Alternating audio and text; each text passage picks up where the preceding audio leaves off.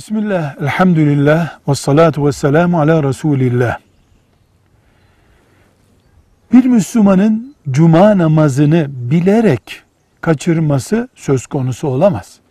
Çünkü cuma namazı Allahu Teala'nın en büyük farzlarından birisidir. Ama cuma namazı kaçmaz mı? Kaçabilir. Trafikte kalabilir, uyuyakalabilir, bir yerde mahsur kalabilir, hastanede tedavidedir, koluna serum takılmıştır. Bin bir sebep olabilir. Cuma namazını kaçıran bir Müslüman o gün öğle namazını kılar.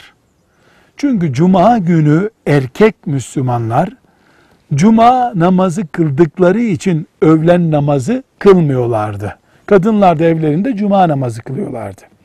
Cumayı kaçırınca öğlen namazı görevi anında devreye girer. Cuma namazını kaçıran, öğle namazını kıldıysa o gün Allah'ın izniyle o günkü farz namaz görevini yerine getirmiştir. Kasten, tembellikten cuma kılmayan ise oturup ciddi ciddi tövbe ve istiğfar etmelidir. Velhamdülillahi Rabbil Alemin.